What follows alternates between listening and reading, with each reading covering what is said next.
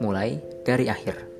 Terdengar gak logis, tapi berapa banyak sih orang yang memulai sesuatu dan berhenti di tengah jalan?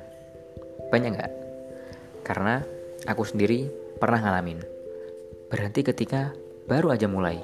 Dan pernah juga hampir berhenti padahal finish sudah terlihat. Kok bisa? Ya, banyak alasannya. Karena kehilangan motivasi, karena terpaksa menjalani hari-hari, dan itu membuat frustasi. Tapi itu sebelum aku mengerti apa tujuan akhir hidup ini.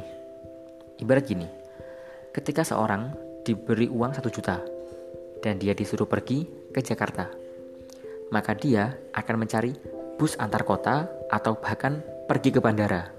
Untuk apa? Ya, supaya dia bisa sampai ke tujuannya. Even bis yang dia naiki mogok di tengah perjalanan maka dia akan mencari kendaraan lain yang bisa membawanya menuju ke Jakarta. Atau jalan yang dia lewati ternyata sedang ditutup. Pasti dia akan mencari jalan lain agar dia bisa sampai ke Jakarta.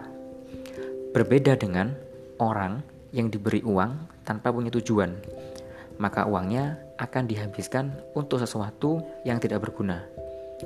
Dan setelah aku tanya ke beberapa orang, untuk apa kita sekolah? Jawabannya, agar kita bisa bekerja. Untuk apa kita bekerja? Jawabannya agar kita bisa mendapatkan uang. Untuk apa uang kita? Jawabannya yang pertama, agar bisa membahagiakan orang tua kita.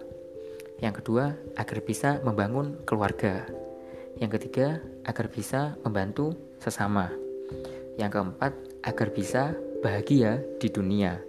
Dan yang kelima, agar bisa masuk ke surganya. Nah, jadi selama kita memiliki tujuan yang sama, gak peduli mau naik kendaraan apa pun, mau lewat jalan mana pun, pada akhirnya kita akan bertemu di muara yang sama. Karena dunia punya jangka waktu dan kita bisa menentukan ending seperti apa yang ingin kita wujudkan. Kalau rencana agak berhasil, ingat, alfabet itu ada 26. Jadi masih ada 25 rencana lagi yang bisa dicoba. Semoga membantu.